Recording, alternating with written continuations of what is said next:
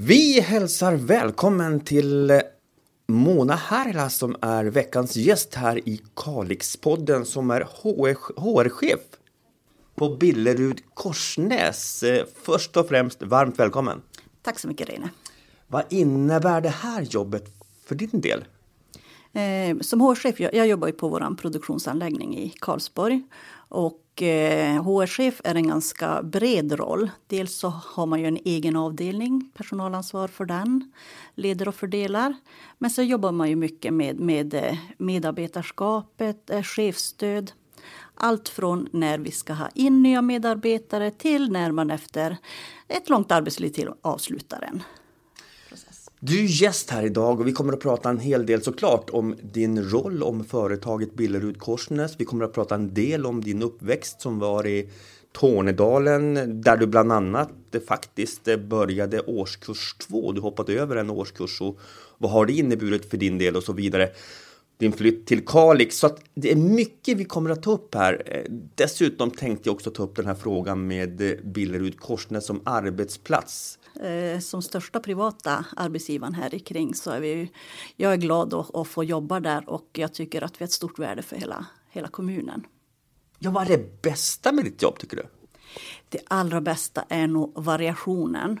Eh, man jobbar ju dels med struktur och processer eh, men man jobbar ju också väldigt mycket med människor, alltså hjärtat och, och behöver använda hjärnan. Alltså, så det, det är spännande. När du säger det Mona så förstår jag att den ena dagen inte är den andra likt. Men ska du på något vis beskriva hur en, en dag skulle kunna se ut? Oj, den frågan är jättesvår för det som du är inne på. Eh, en dag ser aldrig likadan ut. Eh, det jag vet varje dag det är att vi har dagliga möten med ledningen. Vi har en daglig styrning. Så det är en sak. Men i övrigt så handlar det, med, det är mycket samtal, det är mycket återkopplingar, det är mycket utveckling av våra processer. Men, men svårbeskrivet, det var den, den äh, fråga som jag nästan tänkte att du skulle ställa och har funderat på med hur ska jag beskriva min dag. Men det känns på något vis när du ändå beskriver det och när vi pratat innan att du trivs fantastiskt bra på jobbet. Ja, men jag trivs ju jättebra. Jag har ju jobbat där ett tag och, och eh, jag skulle nog inte vara kvar om jag inte trivdes. Det är jätteviktigt för mig. 1997 inledde du din karriär på Billerud Korsnäs. Om vi går tillbaka till den tid som är, om vi går till den tid som är nu. Det är ju en extrem tid vi är inne med en pandemi. På vilket sätt påverkar det ert företag? Jag håller med dig, det är otroligt konstiga tider och, och, eh, när man gick in i den i mars, alltså man trodde aldrig att man skulle sitta nio månader efteråt och, och fortfarande ha kvar de här.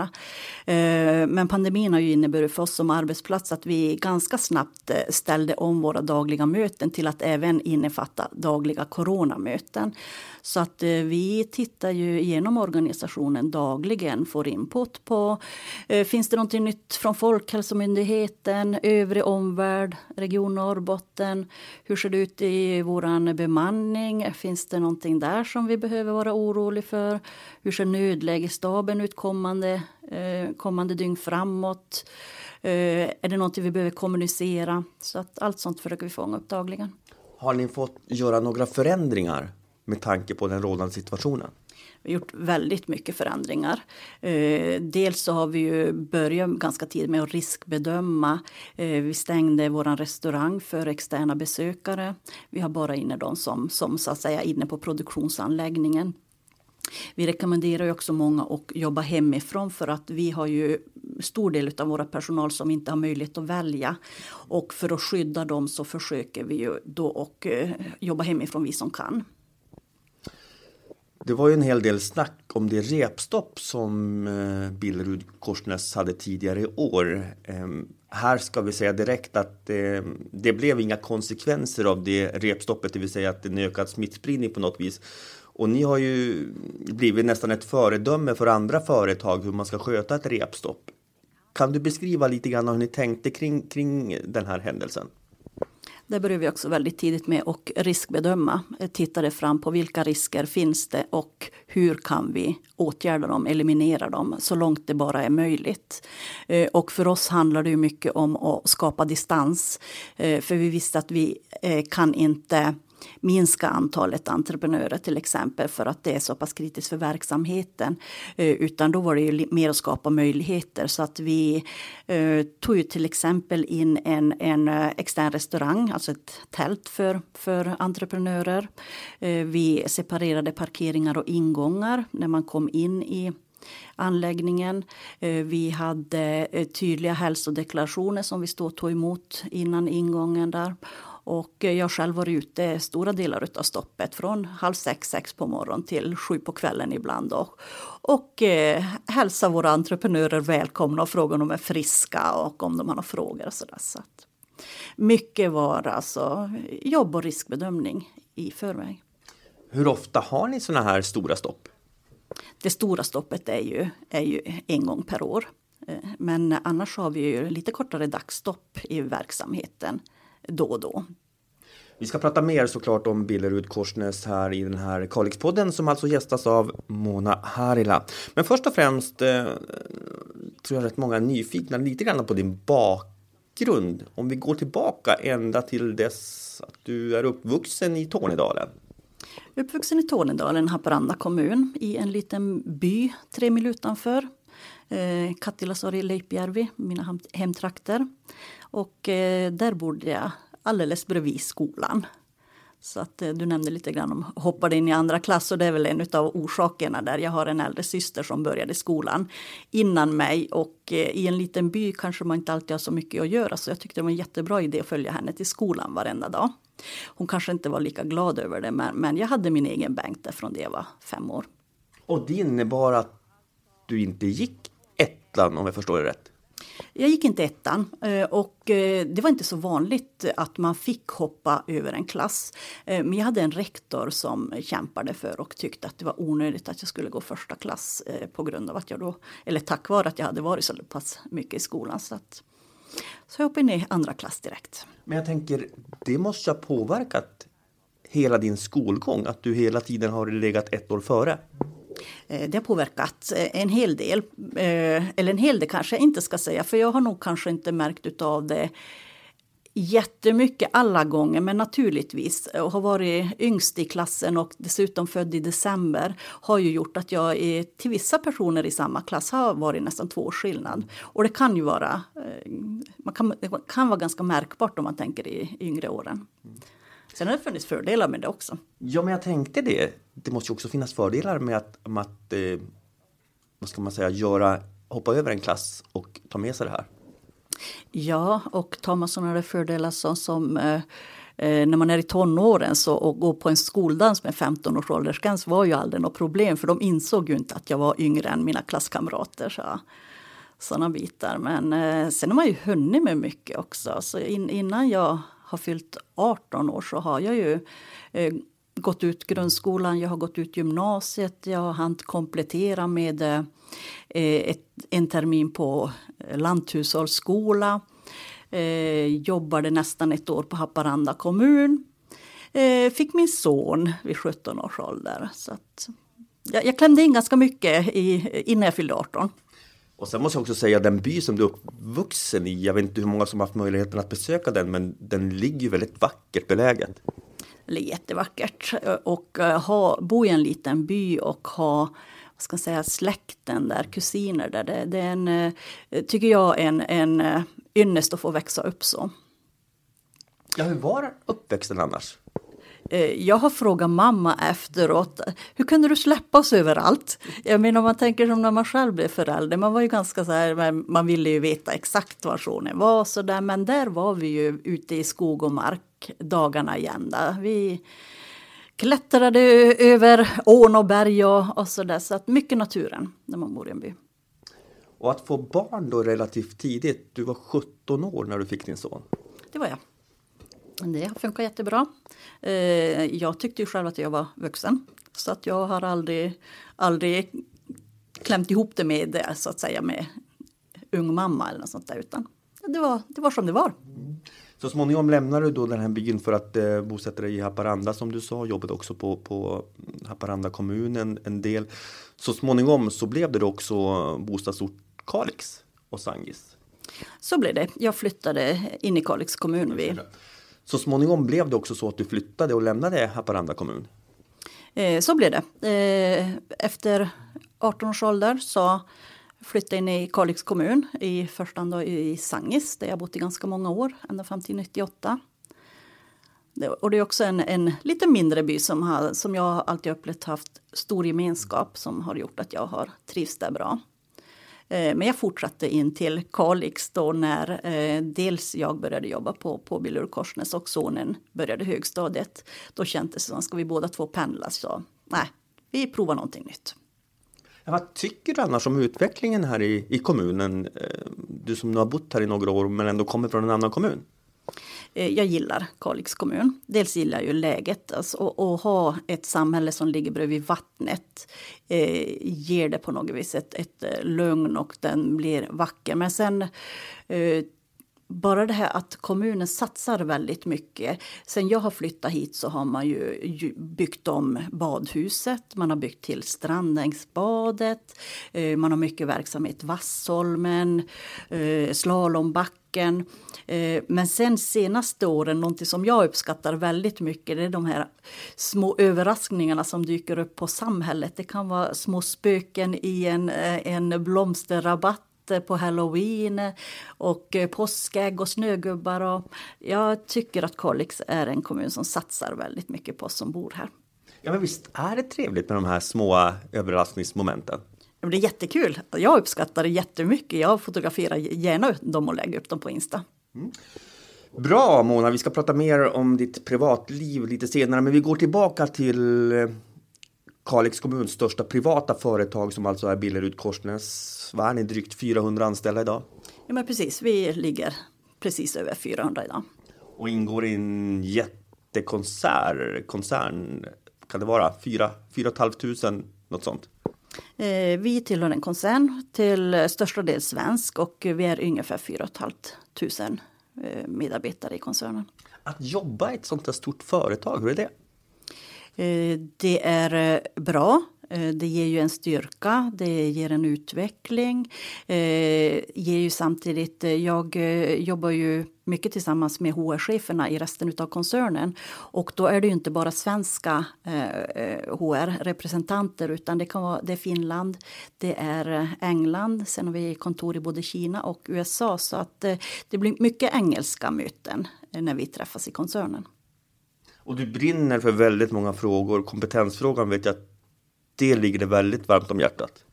Det, det, är det. Jag ser en stor oro eh, framåt. Tittar man på, på eh, bemanningsutvecklingen, eh, inte bara i vår egen kommun utan överlag och alla som ska ersättas så kommer det inte att räcka till. Så att det finns ju jättestort frågetecken här som alla arbetsgivare borde tänka på. Vad ska vi göra? Hur ska vi bemanna våra arbetsplatser framåt? Hur ser det ut för er del i ert företag med, med generationsväxling? Vi har ganska många som kommer och lämna oss eh, för pension nu kommande tio åren. Eh, ungefär 135-140 personer. Eh, så att eh, vi försöker och bemanna upp och rekrytera i tid. Så att inför nästa år så tror jag att vi är uppe i säkert 20 olika rekryteringar som vi ska in. Hur är det då med intresset för att söka till, till ert företag? Jag är otroligt glad att vi har ett stort intresse och bra kandidater som söker till oss. Eh, vi har haft nu eh, under hösten en rekryteringsprocess igång för fem stycken operatörer och vi hade nästan 300 ansökningar till de fem platserna. Så att stort intresse, det är jag jätteglad för. Oj, 300 ansökningar på fem platser. Det är väldigt högt för att vara en då relativt liten ort som Kalix. Oj, så många sökande på, en, på fem platser. Det är rätt mycket för en ort av Kalix kommuns dignitet. Det är mycket och jag tror att det börjar röra sig om rekordnivåer för oss också. För att en vanlig sommarjobbsprocess när vi söker in ungefär 65 sommarjobbare, då har vi ett sökantal på 500 personer. Så att eh, det, det, är positivt och sen ser jag ju kanske en jämnare könsfördelning på, på de sökande också än tidigare. Vi kommer in på det här med, med eh, könsfördelningen på en arbetsplats. För jag tror eh, att många fortfarande har bilden av att eh, det här är en arbetsplats som är dominerad av män. Vi kommer in på den biten lite senare. Men just det här med sommarjobb vill jag gärna återkomma till. Jag tänker det måste ju vara en fantastisk plattform för att så småningom komma in i företaget för er del. Det är en jättebra grund och börja sin arbetsresa hos oss. Eh, man får prova på. Det är ju alltid ömsesidigt när man ska jobba hos någon. Så att man trivs tillsammans. Eh, och eh, det är ju lättare att söka då och kanske till och med få, få ett jobb när man kom in, fått in en fot så att säga. Ja, vad krävs då för att få ta del av de här sommarjobben? Det beror på. Eh, skulle jag säga. För eh, 65 jobb då är det ganska många olika positioner. Eh, vi har vissa positioner där man egentligen bara behöver ha en, en pågående fullgjord gymnasie gymnasieutbildning. Men sen söker vi också laboranter, vi söker ingenjörer så att det är väldigt brett det vi söker. Men största delen är operatörer och, och underhållspersonal. Om du får vända dig till ungdomarna som lyssnar på det här just nu, vad, vad eh, skulle du kunna rekommendera dem att man går för linje och så vidare när det handlar om gymnasiet? Vi är ju inne i ett gymnasieval här nu snart. Man ska alltid söka efter sitt eget intresse för det blir alltid bäst. Eh, ska man jobba hos oss så eh, är ju fullgjort gymnasie första kriteriet. Operatör och eh, mekaniker, då är det ju ofta eh, teknikprogrammen, industriprogrammen som är intressanta. Eh, sen ser vi också gärna att man läser vidare mot eh, universiteten. Vi behöver alltid ingenjörer till, till vår produktionsanläggning. Eh, så att eh, man kan ha en väldigt eh, bred grund och ändå komma in till oss. Och sen gör vi alltid så att vi, vi har kontinuerlig kompetensutveckling, bra introduktion så man behöver inte alltid ha så mycket förkunskap. Men gymnasiet är viktigt, satsa på den. Jag tänkte just komma till den frågan att finns det möjlighet till intern utbildning, att man som du sa, kommer in i, i Billerud Korsnäs och där kan eh, så småningom avancera och jobba med olika saker framöver. Det är en av de saker jag skulle vilja säga kännetecknar just våran anläggning. Eh, många som du pratar med kommer och berättar att jag har kommit in som det och sen har jag gjort det, sen har jag gjort det och nu gör jag det. Så att vi har en väldigt bra kompetensutveckling och vi tar tillvara på intern rekrytering. En stor del av vår rekrytering sker fortfarande internt. Så det finns alla möjligheter att utveckla sig, dels inom företaget, men också som person? Absolut, jag tycker att jag själv är ett, ett bra exempel på det. Jag jobbar ju idag med någonting helt annat än jag gjorde när jag kom till, till Karlsborg. Ja, men berätta gärna om din resa på, på företaget. Jag började där 97 eh, och eh, började som löneadministratör. Eh, märkte ganska snabbt att jag var intresserad utav, utav både arbetsrätt och system. Eh, så att jag började jobba med våra HR-system, eh, våra tidsredovisningssystem. Eh, och eh, vi gjorde det så pass bra i Karlsborg, inte bara jag själv utan, utan vi var en grupp som jobbade med det. Så att eh, man tog vårat system och, och använde det i hela Billerud det var bara Billerud på den tiden. Så att eh, då blev det mer koncernprojekt eh, där jag var eh, systemförvaltare och byggde upp våra HR-system. Och så småningom så, så, har du jobbat med olika saker och nu är du HR-chef alltså? Nu är jag HR-chef sedan 2013. Så att jag har hunnit vara löneadministratör och jobba mycket med projekt men även ett och ett halvt år ungefär som HR businesspartner. Och det innebär också att du har en erfarenhet, lång erfarenhet av företaget. Hur tycker du att företaget har utvecklat sig under dina år? Eh, jag tycker att man har en eh, öppenhet eh, som alltid egentligen har funnits där. Det jag känner och som gör mig väldigt stolt, det är stoltheten hos medarbetarna som finns där. Eh, man trivs väldigt bra på, på Karlsborg. Eh, sen är det ju alltid en, en resa. Teknisk resa är ju en sak, eh, processresorna en sak och allt det här gör ju att klimatet blir ju också ett helt annat.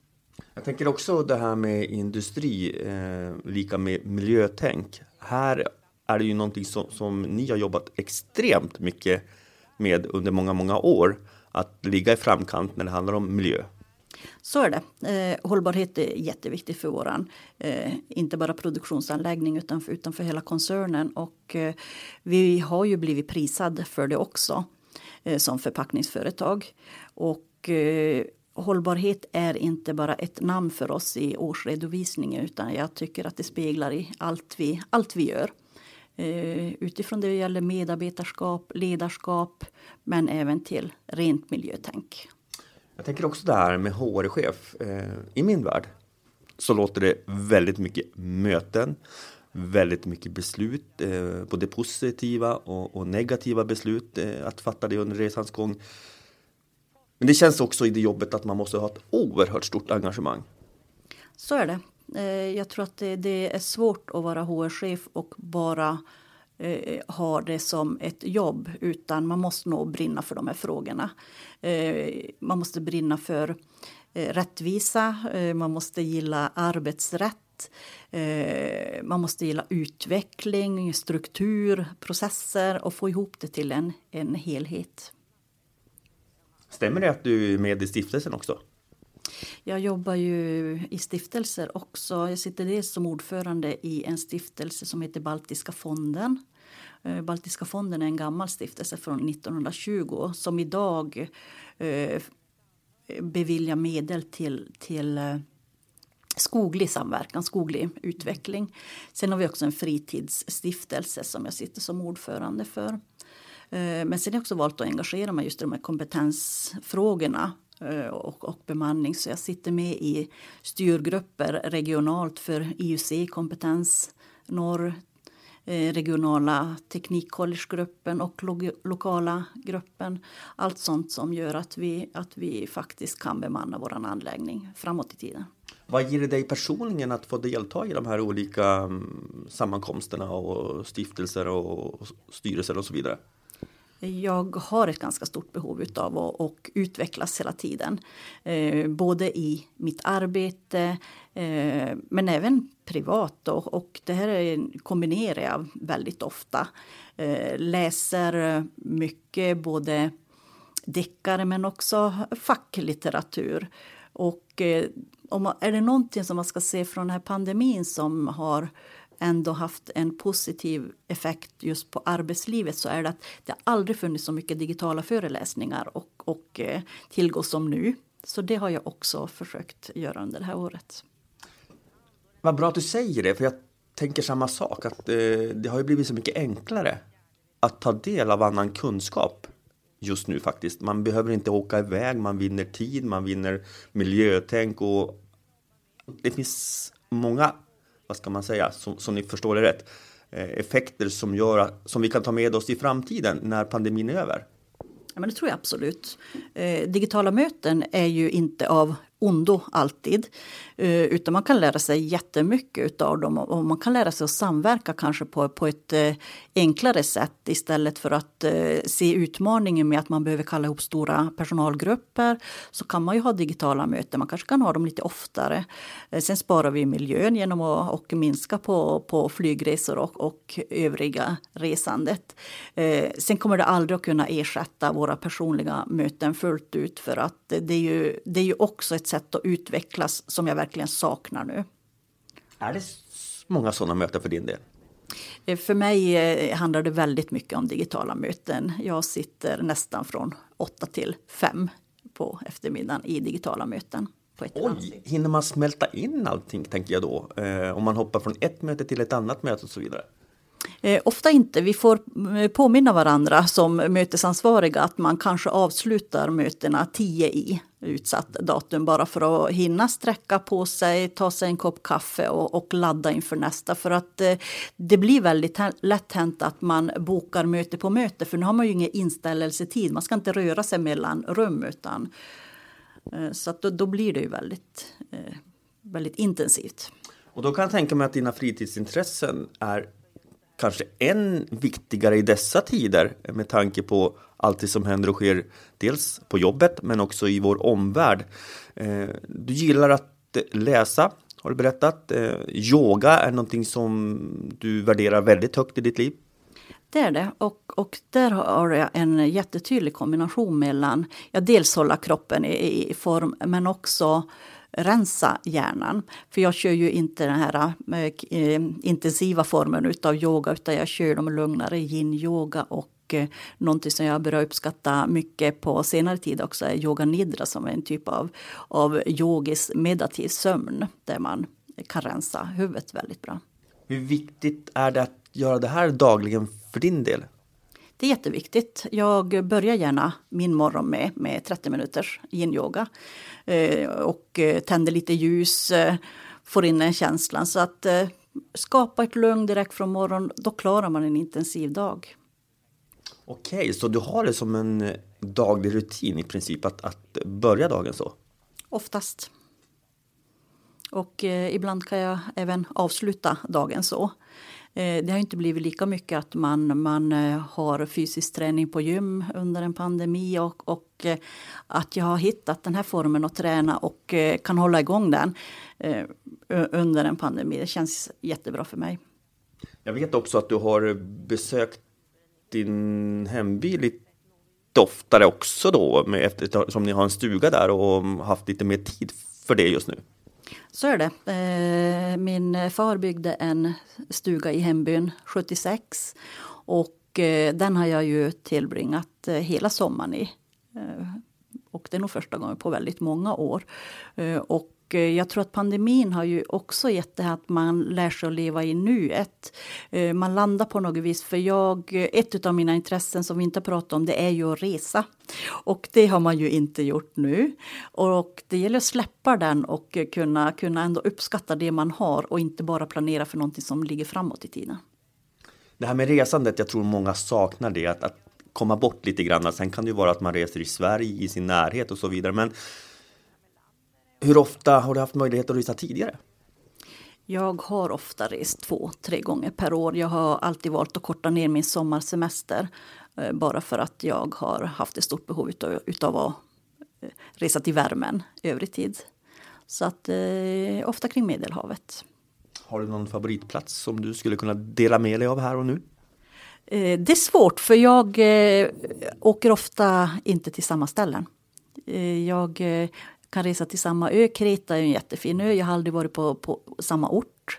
Eh, någonting som jag har börjat göra senare år är kryssningar. Det är också så där man eh, eh, åker båt, men inte samma båt, inte samma platser man landar i. Så att, eh, det finns många fina ställen.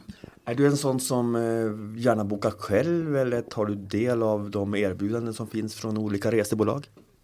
Eh, jag gör nog en kombo. Eh, jag eh, gillar inte att bara resa någonstans och eh, sitta vid en pool till exempel. Utan jag gillar orter som kanske har mer stadsmiljö plus strand. Så att man får lite både och. Mm. Och det saknar du såklart under den här tiden då? Saknar det jättemycket och, och ännu mer när det kommer upp hela tiden i flödet. Det kommer minnen på Facebook som verkligen påminner om att ja, men där var du för ett år sedan och där var du då. Så att, ja, självklart. De här resorna då, vad har det gett dig personligen? Eh, en förståelse för andra kulturer, självklart. Eh, men också ren avkoppling. Eh, lite grann det som jag, som jag kanske har i yin-yoga nu. För den, kom, den har ju blivit än mer frekvent när jag inte kan resa. Så att, eh, mitt sätt att koppla av. Jag tänker också att de här resorna kan ju berika en som du säger men också kanske uppskatta lite grann mer vad vi faktiskt har här och nu. Det hoppas jag. Eh, jag tror att vi, eh, vi ibland kan glömma bort det. Och eh, som jag sa, att man, man tittar så mycket framåt så att man glömmer här och nu. Och sen kan det ju vara ibland, eftersom vi ändå har det väldigt bra i Sverige jämfört med, med många andra länder, så, så glömmer vi bort att uppskatta det vi har. Det är Mona Harla som alltså är eh, veckans gäst här i Kalix-podden, HR-chef eh, på Billerud Korsnäs. Hur går det förresten för företaget just nu? Det går bra. Eh, vi har en produktion som är eh, i nivå med, med förra året. Eh, så att eh, pandemin har inte påverkat produktion så mycket. Sen har vi ju naturligtvis en osäker omvärld. Och tittar man då på hur man behöver tänka framåt så blir det ju alltså det blir osäkert. De produkter som ni tillverkar, jag tror att de flesta kanske vet, men, men bara för att eh, förtydliga lite grann vad, vad ni gör på, på bruket. Mm. Vi är något som man kallar för ett integrerat bruk. Eh, det innebär att, att eh, vi gör en massa och ungefär 60 procent av den torkar vi till en avsalumassa som vi skeppar iväg till kunder. Och resterande går till vår pappersmaskin där vi gör ett, ett, eh, ett papper utav den. Sen har vi även en, en bestrykningsmaskin där vi till största del legobestryker papper åt Smurfit Kappa idag som kund, eh, kan man se de här produkterna någonstans? Det vill säga kan man utan att man vet om att de här produkterna kommer ifrån Karlsborg? Eh, det kan man göra. Eh, och eh, vi gör ju mycket till eh, säckar till exempel. Eh, våra massa som kanske inte är så synlig den används ju mycket till, till tissueområdet, alltså toalettpapper, näsdukar och, och den typen av varor. Jag tycker det är lite fascinerande nämligen när man är ute och reser någonstans och sen så ser man att och, och vet om att de här produkterna kommer faktiskt ifrån vår närmiljö, i det här fallet då kanske ifrån Billerud Korsnäs. Eh, det är lite fascinerande. Det är jättefascinerande och det jag tror många inte vet är att vi har ett, ett utvecklingslabb på Karlsborg, eller vi har två stycken egentligen. Eh, ett eh, som då jobbar med utveckling av produkter och där har man ju tagit fram en, en Eh, en cementsäck som försvinner. Man slänger in hela säcken i, i blandaren och eh, så mals den ner i produkten och eh, slutprodukten blir till och med starkare än innan. Så att den har man tagit bort eh, både all avfall, man har en mycket bättre arbetsmiljö så att det, det är en positiv klimatpåverkan utav en sån säck. Jag minns, jag jobbade på radion då nämligen och sen så gjorde jag en nyhet just kring den här säcken som man alltså, eh, man häller i allting i blandaren och sen försvinner allting och sen blir det cement. Jajamän, du tar säcken och slänger den rakt in i cementblandaren utan att sprätta upp den eller någonting. Sen vet jag också att eh, inom företaget jobbar ni rätt hårt med det här med eh, petflaskor och så vidare. Att komma bort ifrån plasten istället, ta ett miljötänk när det handlar om exempelvis kolsyrat vatten och så vidare. Hur ser det ut där? Det finns ju ett samarbete med, med eh, Pabuco, heter de, eh, där man har ganska eh, långt eh, skridna planer just för att få ut en, en pappersflaska som klarar kolsyrad dryck, alltså klarar tryck. Mm. Det där lär nog återkomma till här inom eh, framtiden tror jag. Ja, men det tror jag det, det, är en intressant resa att följa mm. och jag ser fram emot att få hålla den eh, i min hand från dagligvaran inom en överskådlig framtid. Vi nämnde det tidigare här i podden Mona att eh, jag tror att bilden av Billerud Korsnäs är en mansdominerad arbetsplats. Eh, hur, hur är det? Är det mest män som jobbar på företaget? Så är det ju eh, tyvärr fortfarande. Eh, vi, vi eh, jobbar mycket med mångfald men det, det tar sin tid. Eh, en generationsväxling ger oss möjligheter till att faktiskt få upp det. Men idag är vi ungefär 16 procent kvinnor på Karlsborg. Resterande är män. Sen kan det skilja sig mellan olika grupper. Vi har kvinnodominerande grupper och vi har tjänstemännen som, som ändå är ganska jämlika. Men vi, vi har en stor utmaning. Jag tänker 16 procent på totalen drygt 400 anställda. Det är ju en, om, om jag nu får säga så, en, en väldigt låg siffra. Det är alldeles för få. Och eh, det är därför som jag jobbar mycket med kompetensförsörjning framåt också. För att eh, jag har, jag har ju svårt att förstå att man inte eh, som kvinna ser det här som sin framtida arbetsplats. För att vi, vi har ju för få sökande. Då kan jag tänka mig att du blev väldigt glad här för någon vecka sedan när du såg ansökningar på de här fem platserna som du berättade om 300 sökande. Och om jag förstår det rätt så var det av de 300 så var det 100 kvinnor. Strax under 100, precis. Det är jättekul att se och då har vi någonstans lyckats visa på att det här är en arbetsplats som passar alla. Så att eh, det ska inte behöva saknas sökande så att säga. Men tror du det lever kvar det här gamla eh, industritänket fortfarande? Jag tror att, att den är svår att uh, sudda bort. Eh, vi gör väldigt mycket, både på skolor, eh, försöker vara ute och informera men jag tror att den lever kvar fortfarande.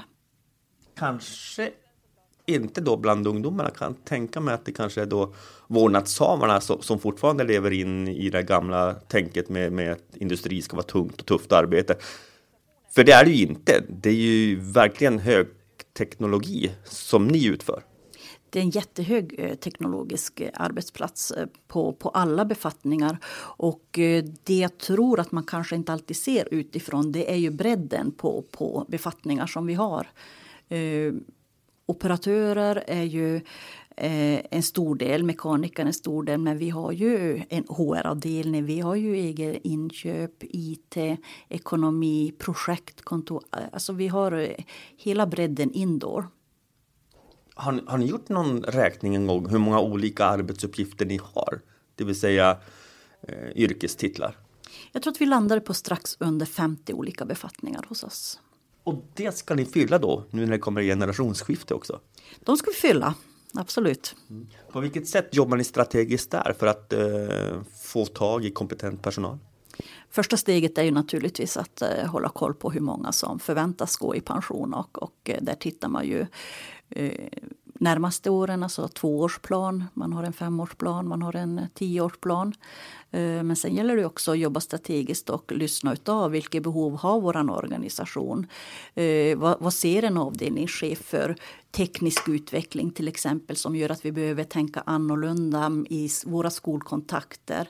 Eh, att vi behöver kommunicera annorlunda. Så att det gäller hela tiden att försöka ligga steget framför och inte göra det på så kort sikt utan att man alltid har en tioårsplan men som man bryter ner. Då. Jag tänker där kan det vara svårt med tanke på att ni lever i en eh, industri där tekniken också går framåt. Eh, och ibland kan ju tekniken göra så att det, det blir färre som behöver sköta tekniken, det vill säga färre anställda. Så är det.